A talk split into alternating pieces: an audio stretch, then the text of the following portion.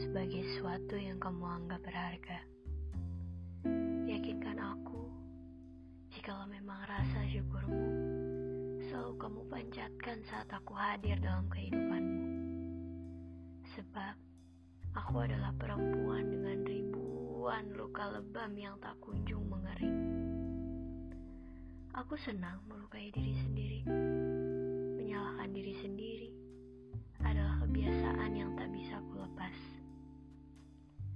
Tidak usah digenggam, sebab aku sudah terbiasa berjalan sendiri. Ikuti saja, mana pun dan kapan pun, hingga aku merasa selayaknya manusia yang patut dijaga. Agar kau tahu, aku tidak sendiri. Agar aku sadar bahwa bahagiamu tercipta saat bersamaku.